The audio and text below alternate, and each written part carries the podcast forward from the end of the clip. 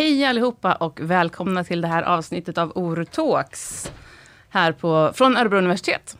Jag heter Anna-Karin och jag har med mig idag Sofie Oskarsson. Välkommen Sofie! Hej, tack! Hur är läget? Det är bra. Vem är du? Vem är jag? Eh, Sofie Oskarsson som sagt. Eh, jag är doktorand här på Örebro universitet i eh, kriminologi. Eh, även om jag tidigare varit i psykologi så är jag eh, sedan i onsdags eh, doktorand i kriminologi. Det är jätteroligt. Kul! Grattis Ja, till det! tack. Du, eh, innan vi drar igång här så måste vi prata lite grann om att det här är ju inte din första livesändning den här veckan. Nej, det stämmer. Utan, Min andra. ja, och vilken var den första? Eh, ja, men igår så var jag med på TV4 Nyhetsmorgon och fick prata lite eh, om min forskning, vilket var jätteroligt. Ja, det förstår jag. Spännande. Jag såg ju såklart också det och jag tänker att i tv-sammanhang så är fyra minuter ganska länge. Men när man ska prata om den här typen av forskning så kändes det som en kort stund. Ja. Vilket också kändes skönt att vi hade det här idag, då, där vi får prata lite mer om eh, din forskning. Ja, precis. Berätta om din studie som du har. Låg vilopuls och risken för återfall i kriminalitet. Ja. Eh, ja, jag eh, publicerade en artikel tidigare eh, i år eh, som handlar om att låg vilopuls ökar risken för återfall i kriminalitet, precis som du eh, nämnde. Eh, och det här i sig, eh, alltså låg vilopuls och associationen mellan låg vilopuls och kriminalitet är ingenting som egentligen är nytt, utan det har vi vetat eh, länge, i många, många år. Eh, men eh, det är inte riktigt lika mycket studerat på just eh, låg vilopuls och återfall i brott. Så jag kände att ja, men det här är nog kanske nästa steg för att veta lite mer om, om vad är vilopuls i relation till kriminalitet och, och hur kan vi tänka kring det här. Just det, det är en registerstudie. Ja, Ja, precis. och hur fungerar en registerstudie? En registerstudie fungerar som så att eh, vi har många olika register i Sverige, eh, bland annat i Sverige, men det finns också eh, register i många andra nordiska länder, eh, vilket är en fantastisk tillgång eh, till, alltså för forskningssammanhang eh, och framförallt epidemiologiska studier. Eh, men i mitt fall så har jag tittat på mönstringsregistret, vilket innehåller eh, de som har mönstrat Eh, och under mönstringen så mäter man bland annat vilopuls och blodtryck och eh, ja, massa olika saker. Men, men vilopuls är en sak man, man mäter där. Och då genom att länka det till brottsregistret så kan vi eh, titta på ja, men, vilopuls i relation till kriminalitet. Just det. Hur många, hur många har ni tittat på? Hur stor är underlaget så att säga? Eh, vi tittar på alla män som har blivit dömda för minst ett brott. Eh, det var liksom utgångsläget. Eh, och av dem, eh, vilka har mönstrat och eh, vilka har vilopuls registrerat i mönstringsregistret. Eh, och lite drygt 400 000 män ingår i den här studien. Det är väldigt många. Det är väldigt många. Precis. Ja. Och vad, om vi bara pratar, vad är låg vilopuls? Och vad definierar ni som låg vilopuls? Ja, alltså ehm, så som han har gjort tidigare i registerstudier när man tittar på vilopuls är att man låter data styra med eh, hur man delar in i kategorier.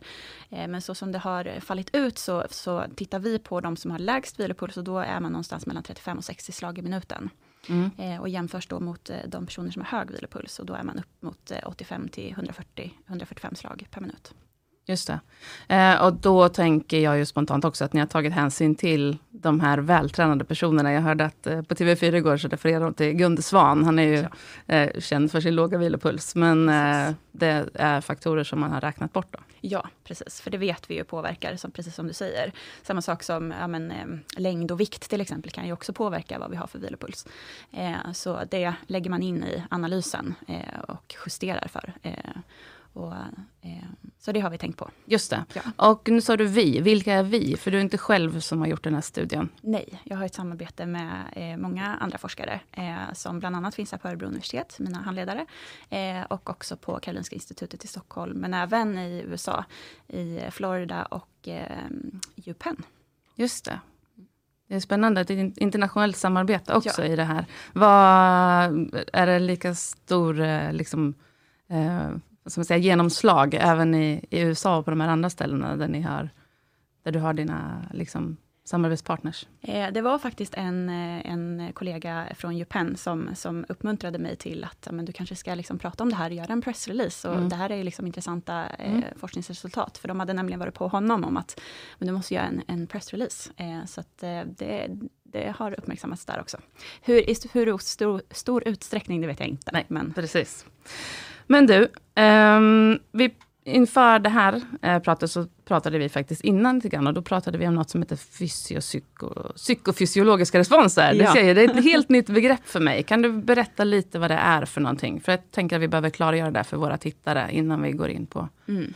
sambandet. Precis. Mm. Jo, men psykofysiologi Eh, är ju ett sånt ord som man lätt snubblar på när man ska uttala. Eh, psykofysiologi kan man säga är samspelet mellan det som händer runt omkring oss, våran hjärna och våran kropp.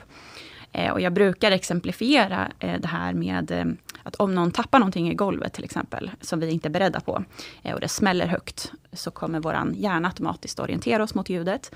Vi kommer registrera händelsen, och sen kommer vi också påverkas i vår kropp eh, av det här. Eh, vi blir rädda eh, för att det är någonting vi inte har ehm, förberett oss på. Ehm, så vi kanske börjar svettas lite i händerna. Vi, pulsen kanske går upp lite grann och eh, vi reagerar fysiologiskt på det som händer eh, utanför oss. Just det. det kan man säga är psykofysiologi. Mm. Ehm, så samspelet mellan hjärna, kropp och det som händer runt omkring oss. Just det. Och hur hänger det här ihop med din studie? Eh, vilopuls är en, eh, psykofysiologisk, ett psykofysiologiskt mått, kan man säga. Eh, vi tänker oss att vilopuls Eh, när vi pratar om vilopuls så kanske man tänker på att ja, men, jag ligger och vilar, vi mäter pulsen eh, och jag är lugn och eh, hemma i min soffa kanske, eller jag ligger i sängen och bara tar det lugnt. Eh, riktigt så är det inte riktigt med, med vilopulsen så som vi tänker på det i ett forskningssammanhang.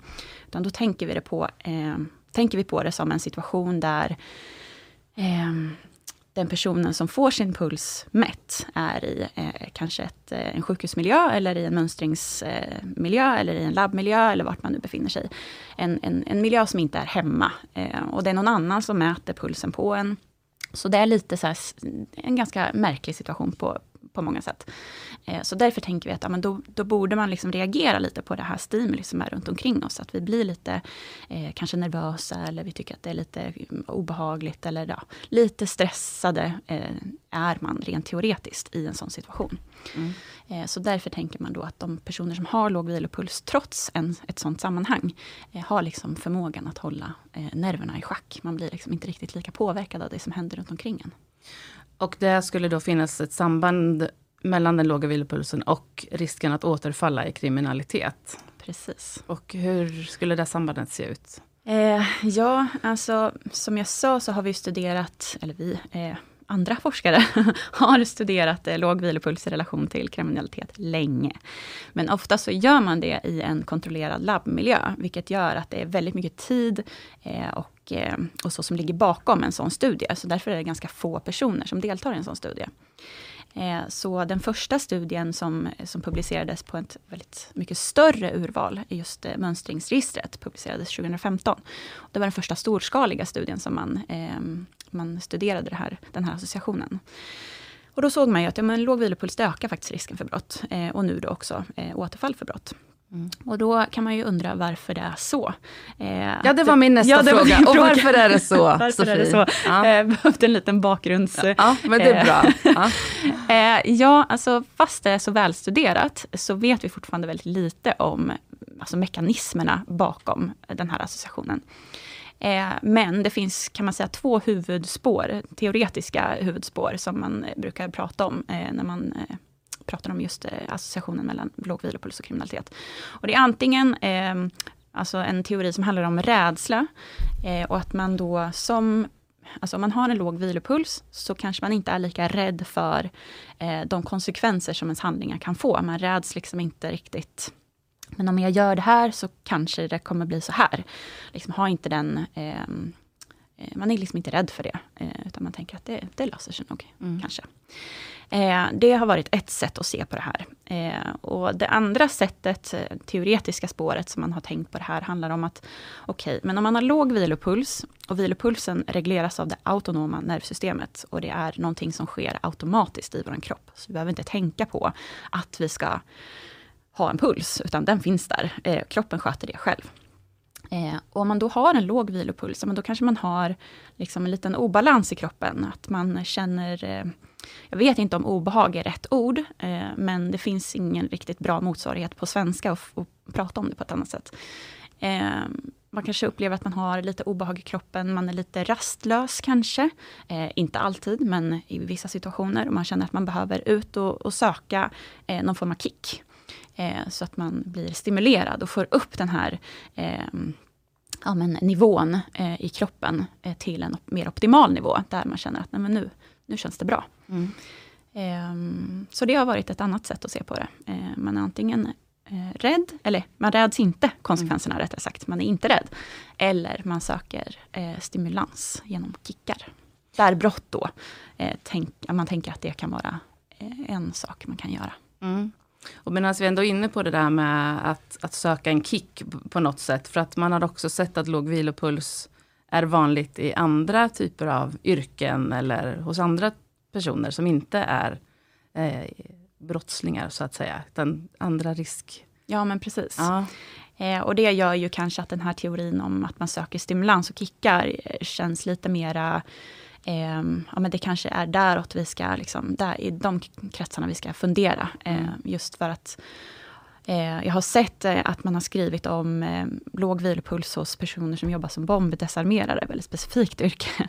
Men där kräver det också kanske att man har liksom, förmågan att hålla nerverna under kontroll. Eh, man kan inte gå in i en situation där man ska desarmera en bomb och liksom tänka på kanske konsekvenserna och räd, rädas dem på det sättet. Då, man måste liksom kunna lugna ner sig. Samma sak som ja, men, ehm, personer som hoppar fallskärm eller eh, bungee jump eller håller på med extremsporter eh, också har en låg vilopuls. Inte alla såklart, eh, men, men det förekommer. Precis, och då har du lärt mig att det här heter prosocialt beteende. Eller hur? Precis. När man gör någonting eh, bra av det så att säga. Istället för ett antisocialt beteende som kriminalitet skulle vara då i så fall. Precis, ja. Eh, så tänker jag att det skulle kunna vara. Men det, det är liksom hur jag har spekulerat i det här. Eh, och prosocialt är ju då, som du säger, att man, man kanske engagerar sig i aktiviteter som inte är skadliga för någon annan, utan eh, man söker kicka på ett, eh, ett mer socialt accepterat sätt. Eh, Medan antisocialt beteende eh, handlar mer om kriminalitet och att eh, göra bus. Skulle man kunna tänka sig att sitta i en livesändning är ett prosocialt beteende för att söka en kick? Ja, men kanske. Utifrån min egen känsla. Ja, precis. Um, det kan ju låta lite förenklat att säga att låg vilopuls har ett samband med, med återfall i kriminalitet. Det måste finnas andra faktorer också som spelar in för den återfallsrisken så att säga. Mm. Va, hur ser du på det och hur, Absolut. hur går tankarna där? Jo men det är väldigt, väldigt viktigt att ta med i, eh, liksom, i, i tankarna och resonemanget kring det här. Att eh, Även om vi ser att det är en ökad risk om man har en låg vilopuls, så är det ju inte det enda. Alltså vi har inte upptäckt eh, the holy grail, utan vi behöver liksom, eh, titta på andra saker också. Men så som jag har resonerat kring det här, är ju att okej, okay, men, men vi vet, vi kan riskbedöma eh, återfallen för brott med det vi har nu, alltså med de riskbedömningsinstrument som finns och de riskfaktorer som, som vi vet från tidigare forskning ökar risken för återfall i brott. Eh, men vad, vad kan vi tillföra som eh, men gör att vi blir lite bättre på att riskbedöma? Kan vi ta in något annat, en annan typ av mått, eh, någon annan typ av riskfaktor som kan tillföra någonting utöver det vi redan vet? Det har liksom varit min eh, tanke kring det här. Och då tänker jag, kommer det då också att alltså, själva vården av de som sitter frihetsberövade idag, skulle det kunna vara en del i den preventiva vården för dem? Liksom? Eh, alltså långsiktigt, eh, ja. Hade man frågat några av mina medförfattare för den här artikeln, så hade de sagt ja, mm. absolut. Eh, jag eh, jag vet inte riktigt. Eh, men eh, det är väl inte en helt främmande tanke att vi kanske så småningom tar med vilopuls som en, en del av bedömningen för återfall. Just för att men det är ganska specifikt just med låg vilopuls. Eh, för låg vilopuls är associerat med eh, antisocialt beteende, som vi pratade om förut. Eh, Medan hög vilopuls är associerat med väldigt många andra saker. Så det är inte så specifikt med just hög vilopuls som det är med låg vilopuls. Därför blir det en tilltalande eh, faktor att ta med i ekvationen. Eh, och det är också relativt enkelt att mäta. Eh, det är liksom inte invasivt på något sätt, utan det är eh, eh man kan räkna liksom pulsen på ett väldigt simpelt sätt. Och det gör ju också att det blir tilltalande. Um, Ja, precis, för det blir också min nästa fråga. Vad, vad gör vi nu? Vad gör, vad gör du nu med den här kunskapen och med den här upptäckten, så att säga? Vad är nästa steg i det här? Ja, nästa steg, eh, där jag håller på och gör, är att jag är nyfiken på, okej, okay, men nu vet vi, det här gäller för män. Eh, och de flesta studier har ju varit övervägande på män, just för att vi vet att män är ju överrepresenterade i brottsstatistiken, det har vi svårt att komma ifrån. Eh, men det finns också indikationer på att men, låg vilopuls eh, kan också öka risken för att begå brott hos kvinnor. Så jag vill jättegärna eh, fortsätta undersöka det eh, och se om ser vi liksom liknande associationer mellan vilopuls och kriminalitet eh, hos kvinnor.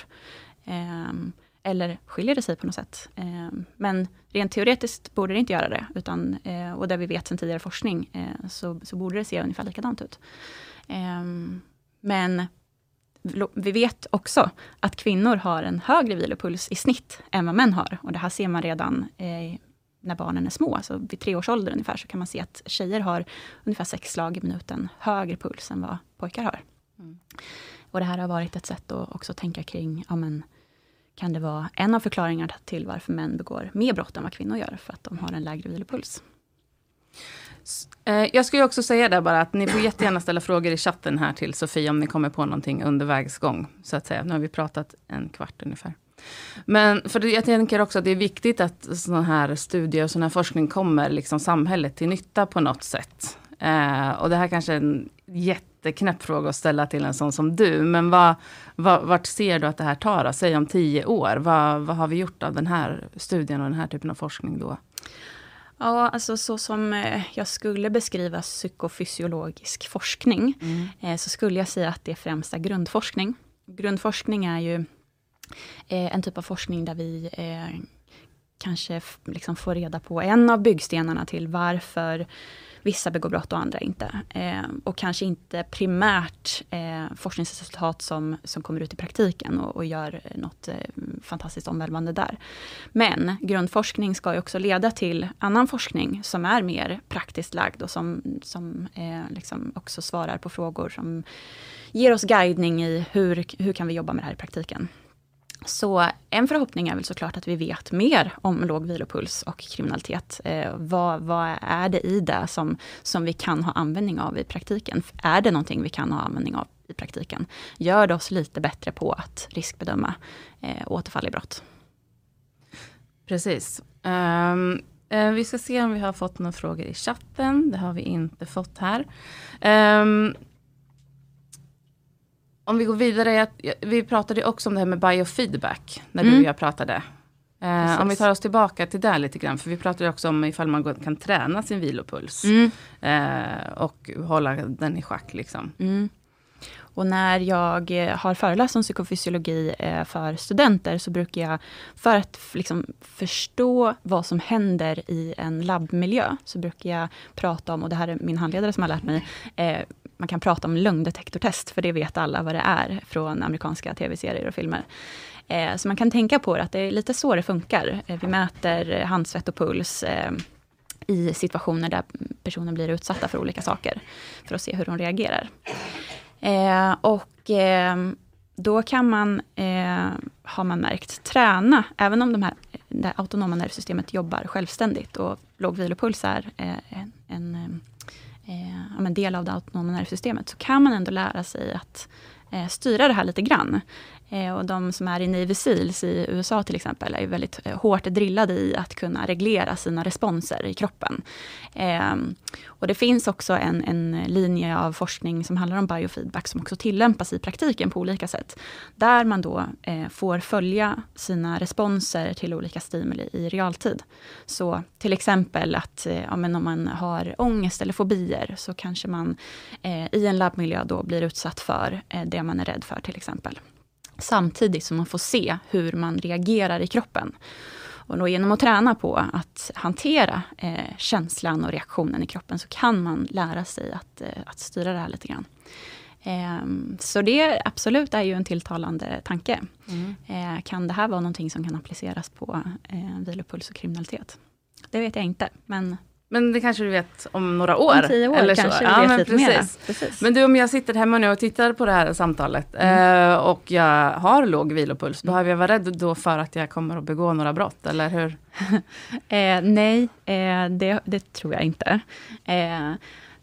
Alltså det här med association mellan låg vilopuls och kriminalitet är ju på gruppnivå. Eh, och jag brukar se när jag pratar om det här för studenter, att, att det är många som smyger ner och liksom tar pulsen på sig själva samtidigt som jag pratar om det här. Eh, men eh, nej, det är inte på individnivå, utan vi ser det på gruppnivå. Och det är ju såklart många som har låg vil- vilopuls som aldrig kommer att begå brott.